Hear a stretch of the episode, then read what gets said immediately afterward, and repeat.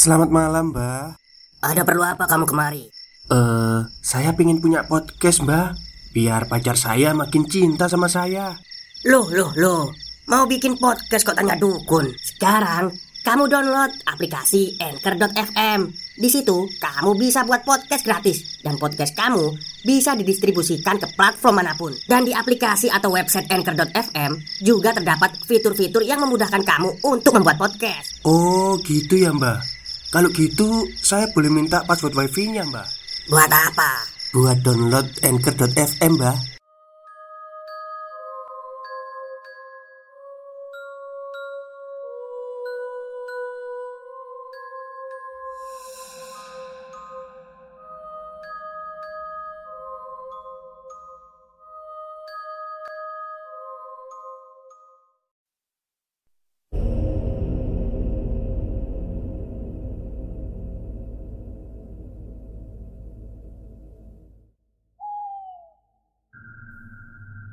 Assalamualaikum warahmatullahi wabarakatuh. Halo semuanya Jumpa lagi dengan saya Chow Sing Sing Kurator dari podcast Horror Night Story. Halo apa kabar semuanya? Semoga kalian semua sehat-sehat ya. Dan seperti biasanya pada siang hari ini saya kembali dan akan menghadirkan sebuah kisah mistis untuk kalian dan di episode kali ini saya akan menceritakan ya tentang sebuah pohon yang memiliki energi gaib di dalamnya. Oke, daripada kita berlama-lama, mari kita simak ceritanya. Dari kejadian yang ada di Temanggung mengingatkan Mimin tentang kearifan lokal yang ada di masyarakat kita. Kearifan lokal sendiri kadang secara tidak langsung menjaga keseimbangan alam dan keseimbangan unsur yang ada di lingkungan itu sendiri. Kearifan lokal bisa dikatakan merupakan cara berpikir masyarakat tentang keadaan lingkungan sekitar baik fisik maupun non-fisik, yang berpedoman pada norma dan tatanan sosial. Dari sinilah muncul adanya beberapa mitos yang kemudian mengatur masyarakat secara efektif. Mitos biasanya menyangkut perilaku manusia kepada alam dan lingkungannya. Bagaimana keberadaan sebuah tradisi lokal seperti ritual-ritual penghormatan terhadap penjaga tempat tertentu, seperti hutan, gunung, danau, dan lain sebagainya. Di sini dapat menumbuhkan integrasi masyarakat untuk bersama-sama saling menghargai keseimbangan alam. Biasanya, kearifan lokal merupakan salah satu warisan leluhur yang diturunkan secara turun-temurun dari generasi ke generasi hingga sekarang.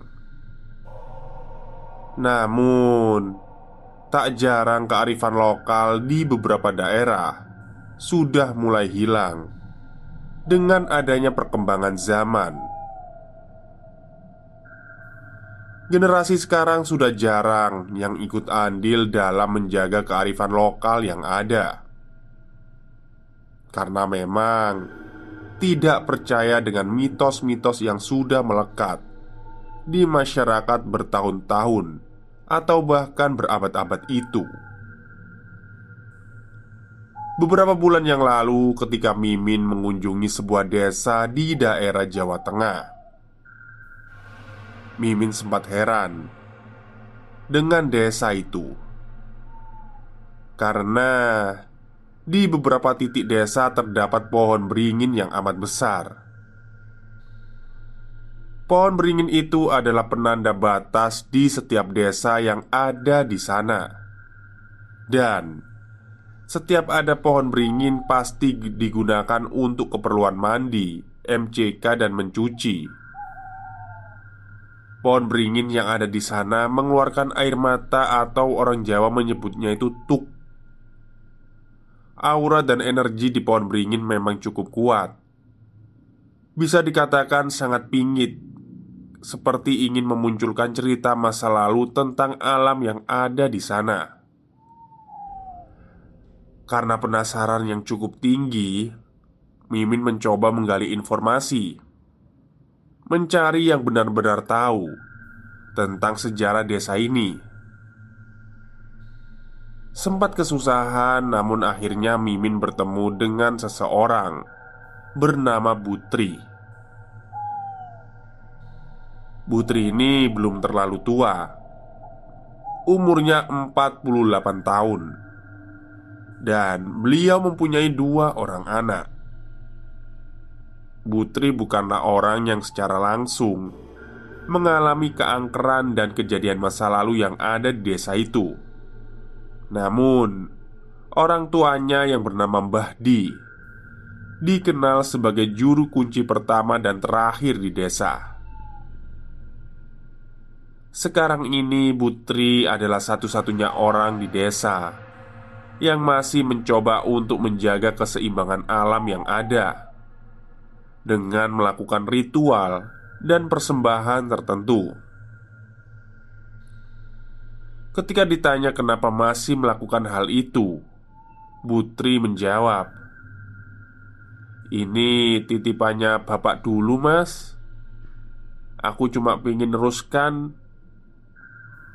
Soalnya tinggal bapak sama saya yang jaga desa ini." Zaman dahulu, setiap selapan, seluruh warga desa selalu mengadakan ritual di seluruh pohon beringin. Ada empat titik, dan keempat pohon itu secara bergantian diadakan ritual yang berlangsung selama tujuh hari tujuh malam. Konon, di setiap ritual yang diadakan akan terjadi angin besar yang menandakan penyambutan dari alam dan makhluk goib yang ada di sana. Setelah selesai ritual, kemudian akan terjadi hujan besar beberapa hari yang menandakan akan datangnya kesuburan. Kearifan lokal yang masih terjaga saat itu dikarenakan adanya mitos yang menyebutkan apabila tidak diadakan ritual itu, maka akan terjadi kekeringan dan apa pun yang dilakukan oleh warga tidak akan direstui oleh Mbah Yai Projo. Nah, Mbah Yai Projo ini adalah sosok yang dipercaya sebagai mbau reksonya desa dan penjaga desa dari malapetaka. Dari situlah warga takut akan adanya sesuatu yang tidak diinginkan terjadi Ayahnya Putri yang bernama Mbah Di inilah Sebagai perantara kepada Mbah Yai Projo. Dia yang selalu berkomunikasi dengan Mbah Kiai Projo. Mbah Di jugalah yang mendirikan kesenian jatilan Dan menggandeng para pemuda setempat untuk ikut andil dan diajarkan ilmu Untuk menjadi penerusnya nanti sebagai juru kunci desa.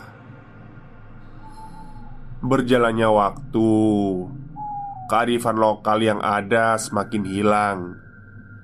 Ketika himpitan ekonomi melanda desa, banyak dari warga, terutama pemuda, yang pergi merantau ke kota dan bertahun-tahun tidak pulang Ditambah pendatang yang keluar masuk desa membuat kesenian sudah jarang digelar. Dan dampak kearifan lokal lainnya yang sudah ada Yaitu ritual yang dilakukan di keempat pohon beringin. Semakin sedikit orang yang mau melakukan ritual itu. Hanya keluarga Mbah Di dan orang-orang kepercayaan Mbah Di Yang mau melakukan hal itu dari situlah mulai muncul kemarahan dari pohon beringin. Sumber air yang selalu dipakai warga tiba-tiba habis atau asat Padahal berpuluh-puluh tahun air tidak pernah habis. Warga yang tidak punya sumber air di rumah kebingungan karena air yang setiap harinya mereka pakai habis tidak tersisa. Habisnya mata air tidak hanya berhari-hari, namun berbulan-bulan. Mbah Di mencoba mencari solusi dengan mengadakan ritual besar atau permintaan maaf kepada Mbah Yai Brojo atas kekacauan yang ada. Warga menolak ikut dalam ritual itu dan memilih mencari solusi lain. Namun, Mbah Di tetap kekeh dengan keputusannya. Stop, stop. Kita break sebentar. Jadi gimana? Kalian pengen punya podcast seperti saya?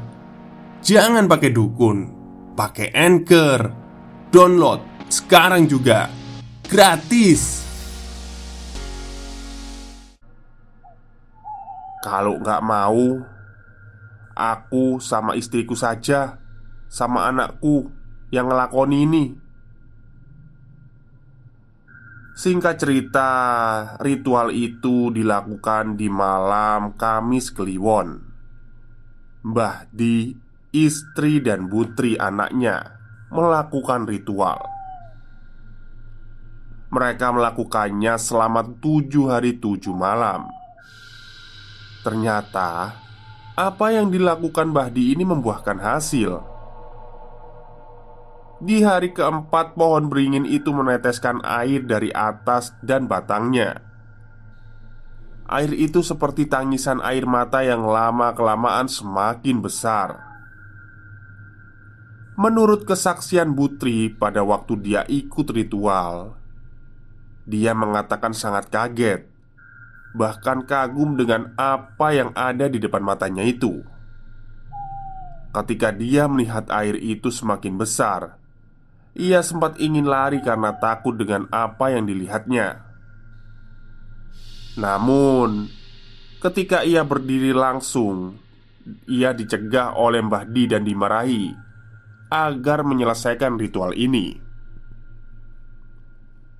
Tangisan itu terus terjadi selama tiga hari, sehingga mengisi sumber air yang semula asat.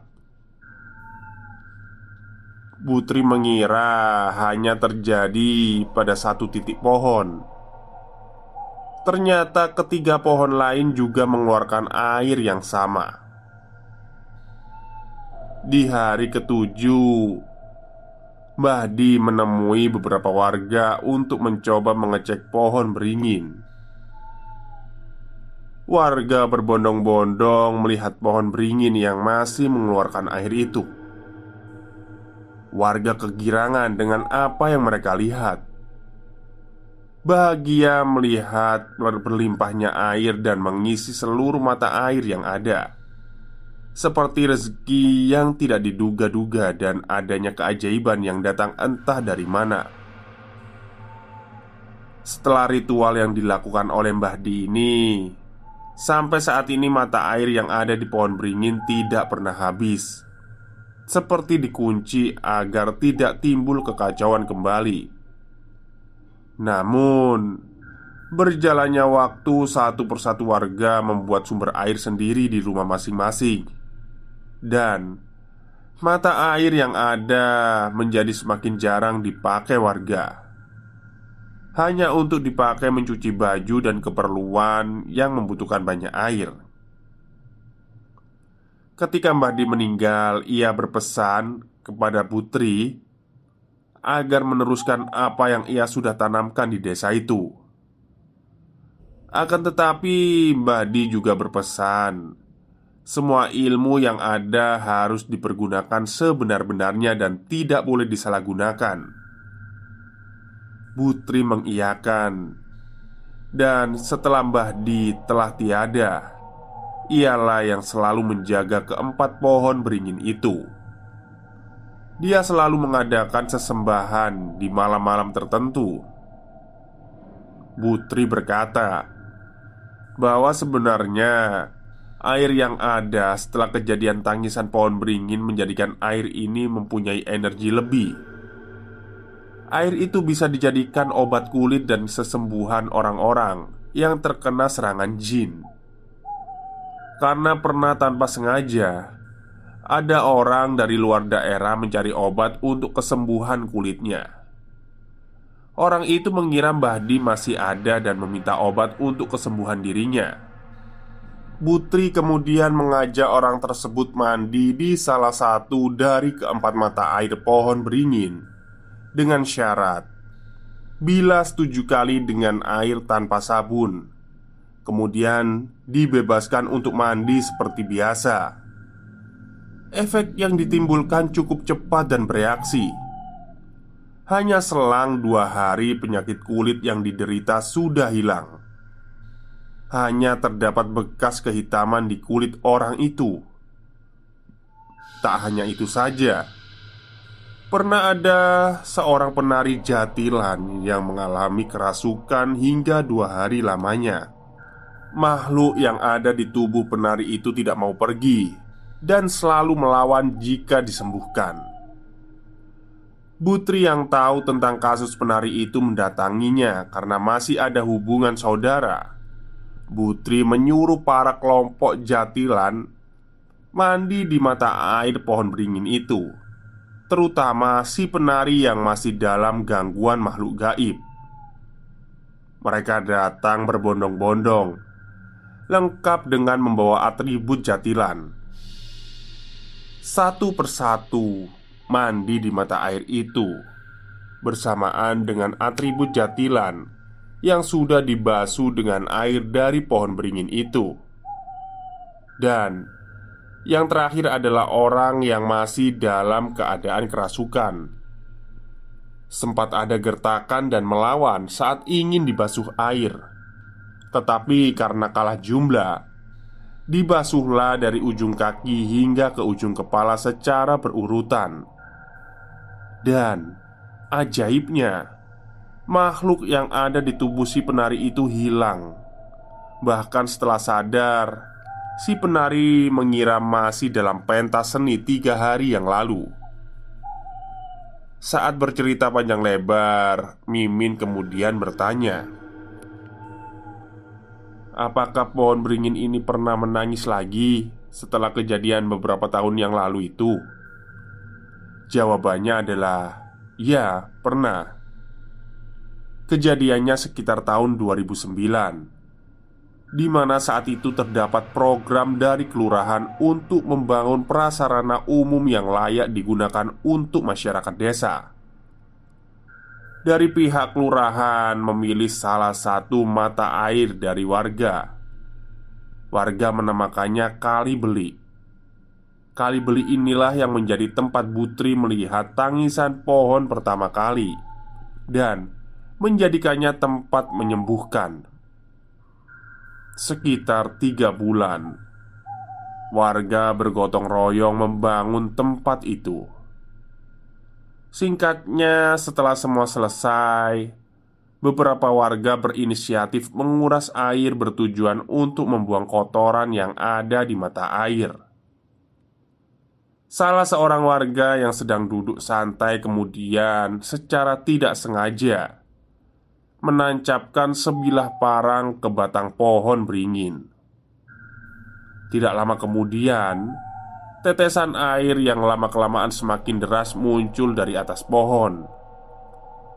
Awalnya warga mengira itu adalah hujan. Namun, ketika mereka melihat sekeliling ternyata tetesan air itu hanya ada di sekitar pohon beringin saja. Di luar itu tidak hujan sama sekali. Warga cukup tercengang dengan kejadian itu. Bahkan beberapa warga berlari meninggalkan pekerjaan mereka. Butri yang melihat keramaian di sekitar pohon mencoba menghampiri warga yang ada di sana.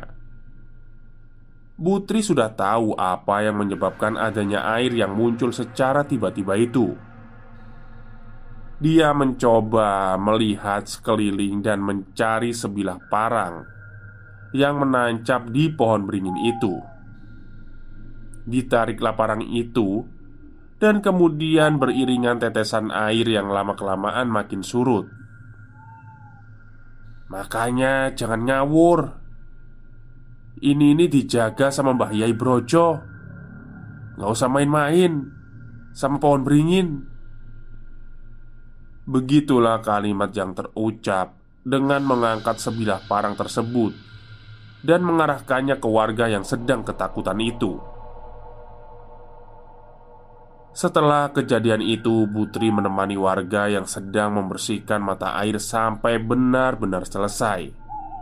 Berjaga-jaga, takut-takut ada sesuatu janggal terjadi lagi. Saat ini, mata air itu sudah jarang sekali digunakan. Hanya satu dua orang saja, dan itu pun tergolong orang-orang yang sudah lanjut usia. Putri juga menuturkan Hanya dia yang masih melakukan ritual itu sampai sekarang. Kadang-kadang dia bersama dua anaknya. Itu pun tidak rutin Karena dia sudah sibuk bekerja berjualan nasi goreng. Kedua anaknya juga tidak mau meneruskan peninggalan kakeknya. Apalagi kedua anaknya juga bekerja di pabrik membuat waktu mereka tidak punya waktu luang. Putri hanya berharap kepada satu orang yang bernama Bagas. Bagas adalah salah satu warga yang suka dengan klinik. Selain itu, dia juga penari jatilan, tetapi khusus penari lea. Ayah dari Bagas sendiri dulunya murid kepercayaan Bahdi tetapi karena harus merantau ke ibu kota, akhirnya apa yang diajarkan oleh Mbah Di tidak dipelajari hingga tuntas. Putri kadang menyayangkan kenapa warga tidak punya inisiatif untuk melestarikan warisan leluhurnya. Yang masih percaya itu ya cuma saya sama anak saya, Mas. Yang lain juga ya udah, udah nggak percaya. Yang percaya airnya bisa buat obat itu ya Cuma orang-orang tertentu saja. Sebenarnya Putri sudah berusaha untuk membuat warga melaksanakan ritual itu bersama-sama lagi. Tapi apa daya powernya di desa tidak terlalu kuat dibandingkan sesepuh desa lain? Tetapi Putri percaya tidak akan ada sesuatu yang terjadi ketika masih ada orang yang menggunakan mata air itu, dan dia percaya lama-kelamaan orang akan percaya bahwa air yang ada di sana mempunyai kekuatan magic. Ya, sekarang tinggal nunggu waktu aja, Mas. Yang penting saya menjaga warisannya Bapak. Begitulah kalimat yang terucap dari Butri Sembari menghisap batang rokok Samsu di tangannya. Memang Kearifan lokal harus kita jaga. Bagaimanapun itu mitos yang kita percaya atau tidak. Tetapi pasti, pasti ada suatu pesan tersirat Agar masyarakat bisa segan Dan menjaga segala sesuatu yang ada di, di lingkungan sekitarnya Alam kadang bisa berbicara dengan caranya sendiri. Ya, kembali ke diri kita masing-masing agar sama-sama menjaga alam untuk keseimbangan yang ada. Sekitar jam 2 pagi, Mimin diajak Putri menuju pusat mata air yang sering ia gunakan untuk ritual. Ya, beginilah penampakan dari tempat mata air itu. Inilah tempat yang sering digunakan warga untuk mandi dan sebagainya. Dan inilah penampakan dari pohon beringin itu. Tingginya kurang lebih 15 meter. Agak kurang jelas karena penerangan yang tidak memadai. Begitulah cerita dari tangisan pohon beringin. Sebenarnya masih banyak kejadian seperti gangguan makhluk gaib yang ada di sana. Akan tetapi, dari Putri sendiri tidak mengizinkan untuk diceritakan. Kita sebagai manusia harus selalu menjaga alam, bukan karena dorongan mitos atau kearifan lokal yang ada, akan tetapi tentang kesadaran dalam diri kita masing-masing. Salam lestari. Baik, itulah treat pendek dari metafisika yang menceritakan tentang uh, tempat bertuan ya atau tempat yang diyakini memiliki energi yang gaib. Kalau saya prediksi sih ya, saya nggak tahu ya. Kalau dari ceritanya Jatilan itu Ponorogo ya, kalau nggak salah ya. Jadi kemungkinan pohon beringin ini ada di Kabupaten Ponorogo. Kalau nggak salah lu ya. Soalnya saya dulu pernah punya teman Dia mengerjakan skripsinya ya tentang jatilan itu tadi. Dan dia juga dari Ponorogo gitu. Oke mungkin itu saja untuk siang hari ini. Semoga kalian semua suka Ya memang tidak serem ya. Tidak ada serem-seremnya tapi bisa Ada sedikit makna lah di balik cerita ini. Oke mungkin itu saja ya dari saya. Selamat siang dan selamat beristirahat